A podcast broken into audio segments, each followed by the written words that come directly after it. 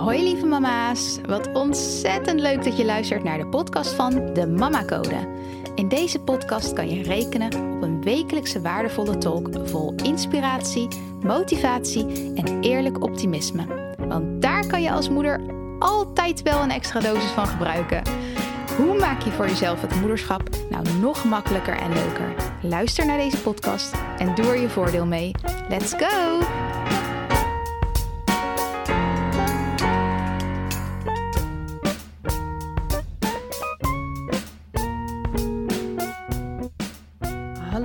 Lieve mindset moeders. Zo mag ik jullie uh, na 50 plus afleveringen inmiddels wel noemen, denk ik zo. Um, ja, even vanuitgaande dat je, dat je ze ook allemaal luistert. Maar misschien doe dat op een hele willekeurige volgorde. Wat ook helemaal prima is. In deze aflevering ga ik het hebben over iets uh, wat vandaag heeft plaatsgevonden met mijn kinderen. En uh, ja, ze liggen nu net lekker te slapen. Dus ik ga zachtjes praten. Maar um, ja, daarna duik ik trouwens ook vroeg mijn bed in. Ik weet niet of je het kan horen, maar ik ben verkouden. Ik voel me verkouden. En uh, kan een goede nachtrust heel goed gebruiken. Dus, nou ja, niet gegarandeerd een goede nachtrust natuurlijk met kleine kinderen. Maar in ieder geval, daar hoop ik op, zodat mijn lichaam een beetje kan herstellen. Maar omdat het vandaag gebeurd is en ik ja, daar net aan zat te denken. Ik zat er voor mezelf op te reflecteren. Van uh, hoe ik gehandeld heb hierin. En uh, of ik daar oké mee ben. Of dat ook is zoals ik zou willen handelen. En het antwoord is ja. Ik voel me helemaal oké met de keuzes die ik heb gemaakt. Um, maar omdat ik zo aan het reflecteren was voor mezelf, dacht ik: Oh ja, dit is eigenlijk wel interessant om ook in een podcast mee te nemen.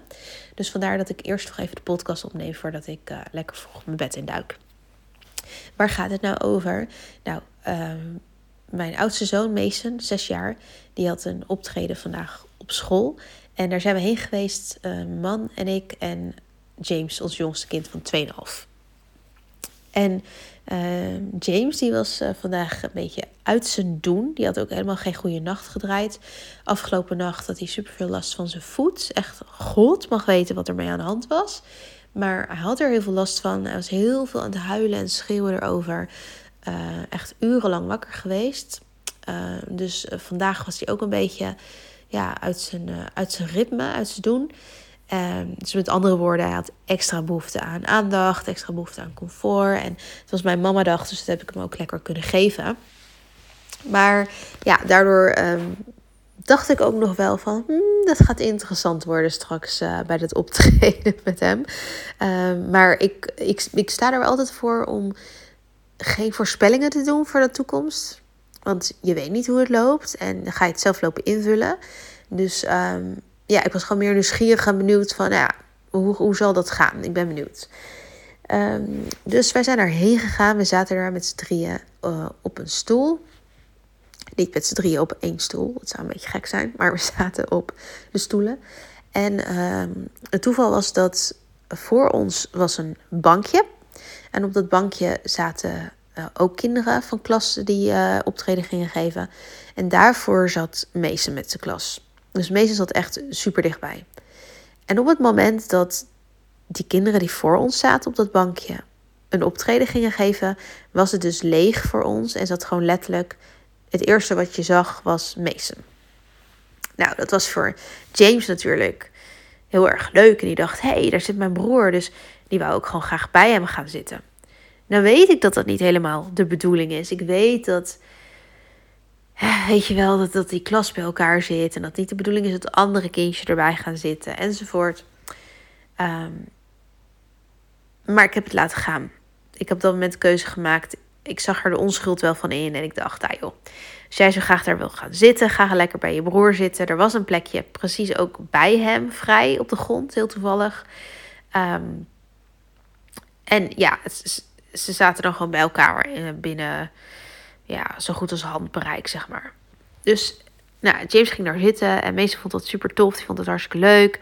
En dat ging verder goed. Dus ik dacht, oké, ik ga aankijken hoe het gaat. Nou, dat ging goed. Uh, dus die hebben er gewoon lekker zo samen tussen de kinderen op de grond gezeten. En dat ging dus goed, totdat uh, James ging staan. En James ging staan tussen de kinderen die aan het zitten waren. Er was een jongetje van een klas die ook ja, vlakbij me, uh, James zat. En die had zoiets van: hey, jij moet gaan zitten. Ehm, wat hij op zijn eigen manier kenbaar maakte, namelijk door James naar de grond te trekken. Zo van: hup, zitten, we zitten allemaal. Ergens wel aandoenlijk. Ehm, maar goed, wel een keuze om, uh, om dat fysiek kenbaar te maken bij James, die toch echt een heel stuk jonger is. Nou, als je James een beetje kent, dan weet je dat hij 9 van de 10 keer dat niet pikt. Maakt niet uit hoe groot je bent, maakt niet uit hoe oud je bent. Hij houdt er niet van als je fysiek met hem wordt. Wat ik een hele goede eigenschap vind. Eh, oprecht, ik vind het echt top dat hij voor zichzelf opkomt.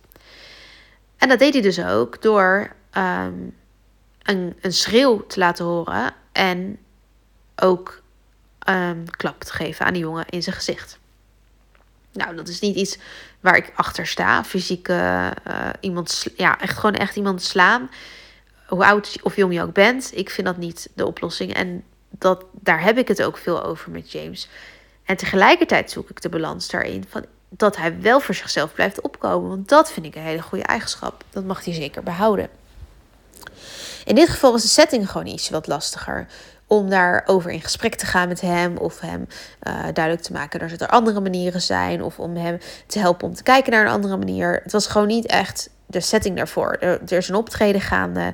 Er zijn heel veel mensen. Er zitten mensen naast me op de grond vanwege een ruimtegebrek. Er waren inmiddels ook uh, mensen op die vrije bank, hè, waar die kinderen vanaf waren gegaan om het optreden te geven. Daar waren inmiddels ook mensen tussen komen zitten. Dus ik, hij was niet echt meer binnen handbereik voor mij.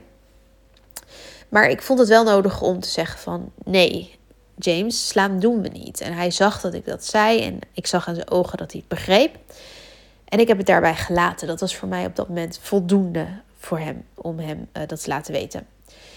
De reden dat ik hem niet weg heb gepakt daar is omdat ik dat een verkeerde indruk vind geven aan hem. Omdat wat ik zei, hè, ik vind het goed dat hij voor zichzelf opkomt. En eigenlijk als ik hem daar weg zou halen als een soort van straf, dan zou ik daarmee zeggen: het is oké als iemand jou naar de grond trekt en jij zit fout dat je iets terug doet. En dat is niet het signaal wat ik wil geven. Dat is niet waar ik achter sta.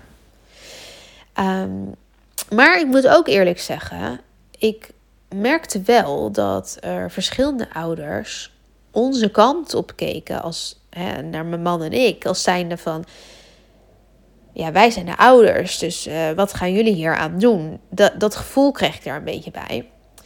Maar dat is een invulling. Het enige wat ik weet is dat zij onze kant op keken. Ja, ik vond het helemaal niet zo'n heel fijn gevoel, moet ik heel eerlijk zeggen. Maar tegelijkertijd liet ik dat gevoel, of dat de mensen naar mijn kant op keken, niet bepalen hoe ik ging reageren. Ik kies ervoor om te reageren zoals ik denk dat de beste manier is om te reageren. En niet zoals ik denk dat verwacht wordt van mij om te reageren. En ik denk dat dat. Was voor mij zo'n fijne bevestiging van oké, okay, hey, je mag dit gevoel hebben. Je mag voelen dat het niet fijn is dat de mensen naar je kijken. Je mag voelen dat het niet fijn is dat je het idee hebt dat je ja, onder de loep ligt nu of zo, weet je wel. Ehm, en tegelijkertijd hoef je niet daar je reactie voor te veranderen. En ik vond dat zo'n fijne en mooie gewaarwording, die ik vooral nu achteraf had, nu ik op reflecteerde van, hey, eigenlijk super tof. Ik heb dat gevoeld, ik heb dat begrepen van mezelf. Ik heb ook gezien dat er, dat er ouders kijken, maar ik heb dat niet mijn keuze laten bepalen voor of wel of niet straffen of wel of niet weghalen of whatever. Ik heb dat puur gebaseerd op wat ik wilde doen op dat moment. En ja, dat, dat kan dus gewoon naast elkaar bestaan. Dat kan. Uh, dus dat was een hele fijne bevestiging voor mijzelf. Want een aantal jaar geleden zou ik hier heel anders op gereageerd hebben. En dan zou ik echt geacteerd hebben vanuit wat verwachten mensen van mij? Wat denk ik dat ze nu willen dat ik doe? En past het in het plaatje en doe ik dat wel goed? En en er achteraf dan eigenlijk geen goed gevoel aan overhouden en dat niet kunnen plaatsen. Terwijl ik nu heel duidelijk weet van dat, dat, dat gevoel dat je achteraf daaraan overhoudt. Dat gevoel van niet at ease zijn met je keuze eigenlijk is het. Dat komt doordat je hebt gereageerd vanuit uh, het voldoen aan een bepaald plaatje naar anderen toe. In plaats van voldoen aan je eigen plaatje. En ik denk dat als je dit kan horen, dat het ook echt een hele mooie is om te horen. Het reageren vanuit jezelf in plaats van vanuit wat een ander van je verwacht of wat je denkt dat een ander van je verwacht. En het ding is dus dat vervolgens ik dus James daar heb gelaten, ongeacht wat een ander daarvan zou denken. En hij is toen uiteindelijk gaan zitten. Maar niet heel lang daarna is hij weer gaan staan. En eigenlijk vond toen precies hetzelfde incident weer plaats. De jongen koos er weer voor om fysiek te worden met James door hem naar beneden te trekken. En James koos er weer voor om voor zichzelf op te komen. En op dat moment dacht ik wel: oké, ik heb zojuist gezegd: nee, we gaan niet slaan. Maar ik heb niet de kans gekregen om hem andere manieren te laten zien. En ik wilde voorkomen dat we nog een derde keer weer voor hetzelfde zouden staan, waarin ik hem niet goed zou kunnen begeleiden op de manier waarop ik zou willen. En mijn man zei toen tegen mij: Ik ga hem daar weghalen hoor.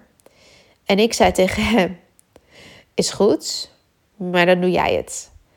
En hij heeft hem toen weggehaald en James begon te krijsen. En, die heeft, en mijn man heeft toen James direct op mijn schoot neergezet. Ehm, en in de instant reactie heb ik hem afgeleid. In de instant reactie heb ik hem uit die schreeuw gehaald door compleet zijn uh, aandacht te verleggen naar het podium. En dat we zo meteen een applaus zouden geven en of hij mee ging doen. En hij was compleet. Hij het leek alsof hij helemaal in, in een seconde vergeten was wat ervoor gebeurd was. En dat was top. Hij was een soort van bijna verbouwereerd van. wat gebeurt er, mama? Waar heb je het over? Wat, wat is er aan de hand? Welk applaus? Uh, maar dat was prima. Ik heb hem gewoon gelijk uit die moed getrokken. Uh, om daar, om daar gewoon niet in te laten blijven hangen. En ik heb dus ook niet meer iets daarover gezegd tegen hem. Ook geen straf, ook geen lering, niks. Want het was de setting er niet naar. En het zou niet op de juiste manier over kunnen komen bij hem. Het zou klinken als een les van: hey, jij mag niet slaan of jij hebt het fout gedaan. En dat was niet de strekking van mijn les. Dus ik heb het gelaten voor wat het is. En dus het beste gedaan met de middelen die ik in die omstandigheid had. Als, als, je de, als jij eens een keertje in zo'n soort gelijke situatie terechtkomt, hè, waarin iets gebeurt en je kind die zet het op een blaren of die hè, in een publieke openbare ruimte, die zet het op een blaren of die luistert niet of die gaat stampvoeten of die slaat een ander kind of whatever. Iets waarvan jij merkt dat er vervolgens andere mensen, omstanders, naar jou kijken. Zo van, hé, hey, en wat ga jij nu doen? Als je merkt dat dat gebeurt, of misschien heb je dat een keer in het verleden gehad en wist je niet hoe je daarmee om moest gaan, of heb je daardoor jouw reactie laten bepalen. Weet dan dat bijvoorbeeld in dit geval bij mij, het kan zo zijn dat iemand naar je kijkt en denkt, of van mij dan dacht: Jeetje, uh, lekkere opvoeding. Hij slaat iemand en je laat hem gewoon zitten. Maar heb je er wel eens over nagedacht dat het ook kan dat iemand kijkt en denkt: Oh, interessant om te kijken hoe deze moeder hierop gaat reageren. Want ik vind het altijd zo'n lastige situatie voor mezelf. En uh, ben benieuwd wat zij gaat doen. Want ik weet nooit zo goed wat ik moet doen als er zoiets gebeurt. Bijvoorbeeld, hè? Heb je er wel eens over nagedacht dat je niet weet wat een ander denkt van jou? En we zijn geneigd om het gelijk in een negatieve te plaatsen. Om gelijk te denken dat iemand iets negatiefs van je denkt. Maar je weet niet wat er in iemand omgaat. En ik had later, op dezelfde dag nog, ook zo'n moment. Want ik ben weer verder gegaan met, uh, na de voorstelling met James en Mason naar de zwemles van Mason. En uh, Matt is een andere kant op gegaan. Die had er andere afspraken staan.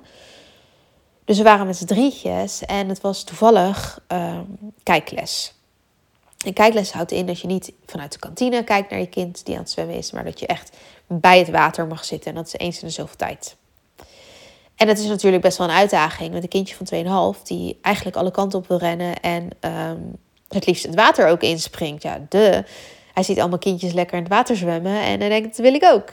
Dus volkomen begrijpelijk. Maar toen was er dus ook zoiets van, ehm, ja, niet dat, maar iets gebeurt in de trant van dat hij, uh, dat James wilde graag iets pakken wat in het water lag. En hij, of het wou het water aanraken in het babybadje wat er vlakbij zat. Dus hij hing deelt over die rand heen met zijn handje in het water.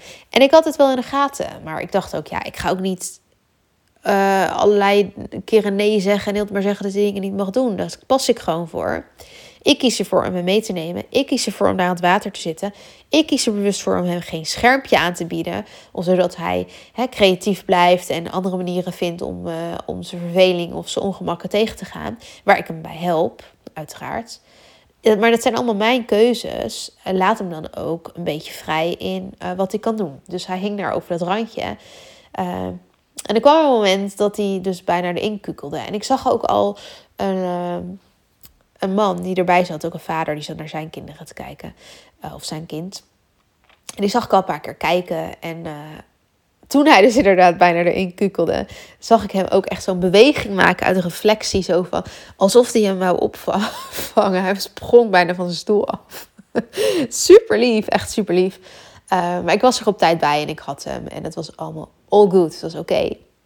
Maar ook op dat moment kan je ook denken van... Oh, die man die denkt ook van... Wauw, die let ook niet op haar kind.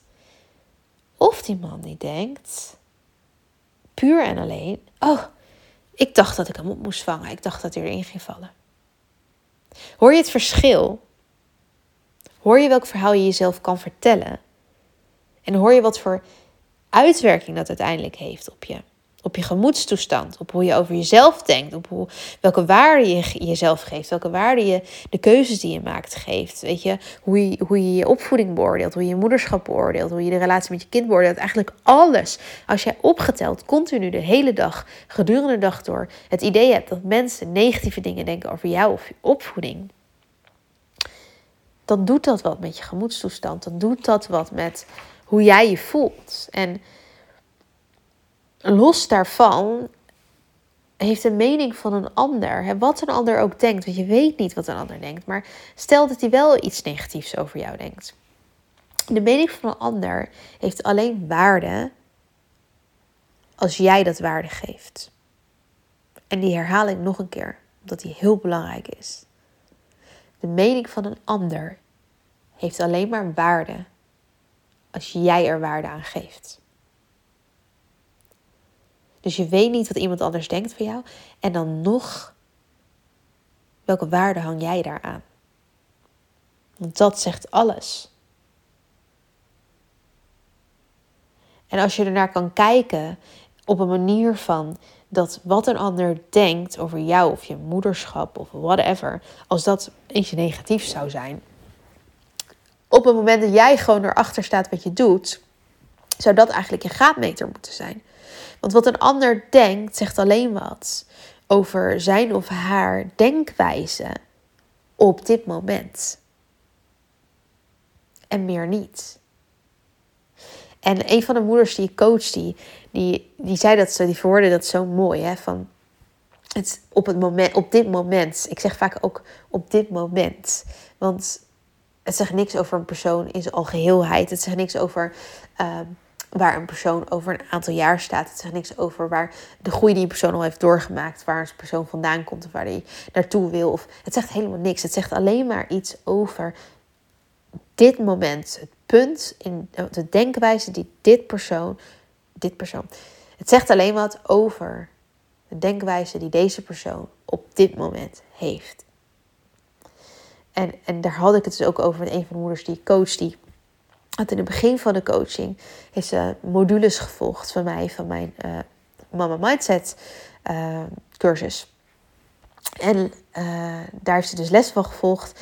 En nu, een x aantal maanden later, had ik een coaching sessie met haar. En heb ik ook bepaalde dingen uit die module herhaald aan haar. Omdat dat nu toegespitst op deze situatie waar ze in zit van toepassing is. En zij zei toen ook: Wauw, ik kon dit eerder nog niet horen op de manier waarop ik het nu hoor. Het komt nu pas echt binnen op dit moment. Ik was er eerder nog niet klaar voor en nu wel. En nu zie ik echt wat je hiermee bedoelt. En dat is zo grappig, want ik zei ook tegen haar: Ja, wat mooi dat je dit zo kan zien. Maar mooi dat je dit zegt ook, want dit is echt zo. Je kan soms vaker iets horen, maar het komt pas echt binnen als jij er klaar voor bent. En dat heb ik zelf ook in uh, bijvoorbeeld de modules die ik volg van uh, bepaalde coachings of uh, boeken die ik lees of luisterboeken die ik luister. En als ik het op een later moment nog een keer herhaal, hoor ik weer hele andere dingen daarin. Dingen die eerst niet aankwamen, dingen die een laag dieper gaan, dingen die op, een ander moment juist wel weer heel erg van toepassing zijn of gewoon echt, vooral echt landen. Weet je wel, dat het echt op dat moment echt kan landen. Dus ik merk dat zelf ook heel erg en ik vind het juist iets prachtigs, want dat betekent dat je brein niet ongefilterd alle informatie maar tot zich neemt, maar echt eruit haalt wat op dat moment voor jou van toepassing is. Op dat moment jou kan horen, waar je op dat moment klaar voor bent. Dus ook al denkt iemand op een bepaald moment iets negatiefs over jou, het zegt alleen maar iets over de denkwijze van die persoon op dat moment. En meer ook niet. Als ik nu terugkijk op hoe ik heb gehandeld, zowel tijdens die voorstelling als tijdens ja, dat, uh, nou ja, wat er gebeurde, of überhaupt de hele zwemles, hoe ik daar heb gehandeld, dan kijk ik met trots terug. Want ik heb gehandeld zoals ik wilde handelen. Ik heb gehandeld in lijn met ja, wat ik voelde en, en hoe ik in het leven sta en wat ik belangrijk vind. En niet op basis van wat een ander van mij zou kunnen verwachten. Los van dat je niet weet wat een ander van je verwacht, omdat je eigen invulling daarvan is dan nog heb ik niet gehandeld naar wat ik denk dat anderen van mij zouden verwachten of mogelijk zouden verwachten. En ik heb het wel gevoeld. Ik vond het wel vervelend. Ik vond het wel ongemakkelijk. Maar ik heb me niet door laten leiden. En ik denk dat daar het hele grote verschil zit. Dat je achteraf niet een rotgevoel aan overhoudt, omdat je hebt gehandeld zoals je wilde handelen. En in lijn is met wat goed voelt voor jou. En dan komen we altijd weer terug op wat voelt goed voor jou in het moederschap. Het is jouw mama-code. Het is wat bij jou past. En als je daarnaar handelt, zit je wat mij betreft altijd goed. En hoe weet je of je goed zit? Door te voelen hoe het voelt. En dat is, het is de bedoeling dat dat je nummer één graadmeter is. En nu ga ik lekker naar bed. Ik ga me afronden. Ik ga mijn bed in. Ik ben hoopvol voor een fijne nachtrust. Met een goed herstel voor mijn lichaam. Zodat ik me binnenkort weer tip-top voel. En dit zijn gedachten waar ik mijn energie naar uit laat gaan. Een hele fijne ochtend, middag, avond. En tot de volgende keer. Lieve mama's, ontzettend bedankt voor het luisteren. Mocht je de aflevering interessant vinden, maak dan alsjeblieft een screenshot en tag me op Instagram. Daarmee kunnen we samen weer andere moeders inspireren. En ik vind het natuurlijk zelf ook leuk om te zien wie er luistert. Deze podcast is gratis te beluisteren en als je een review bij deze aflevering achter wil laten, zou dat helemaal super zijn. Zo vergroten we het bereik onder andere moeders. Heel, heel, heel erg bedankt alvast en tot de volgende keer.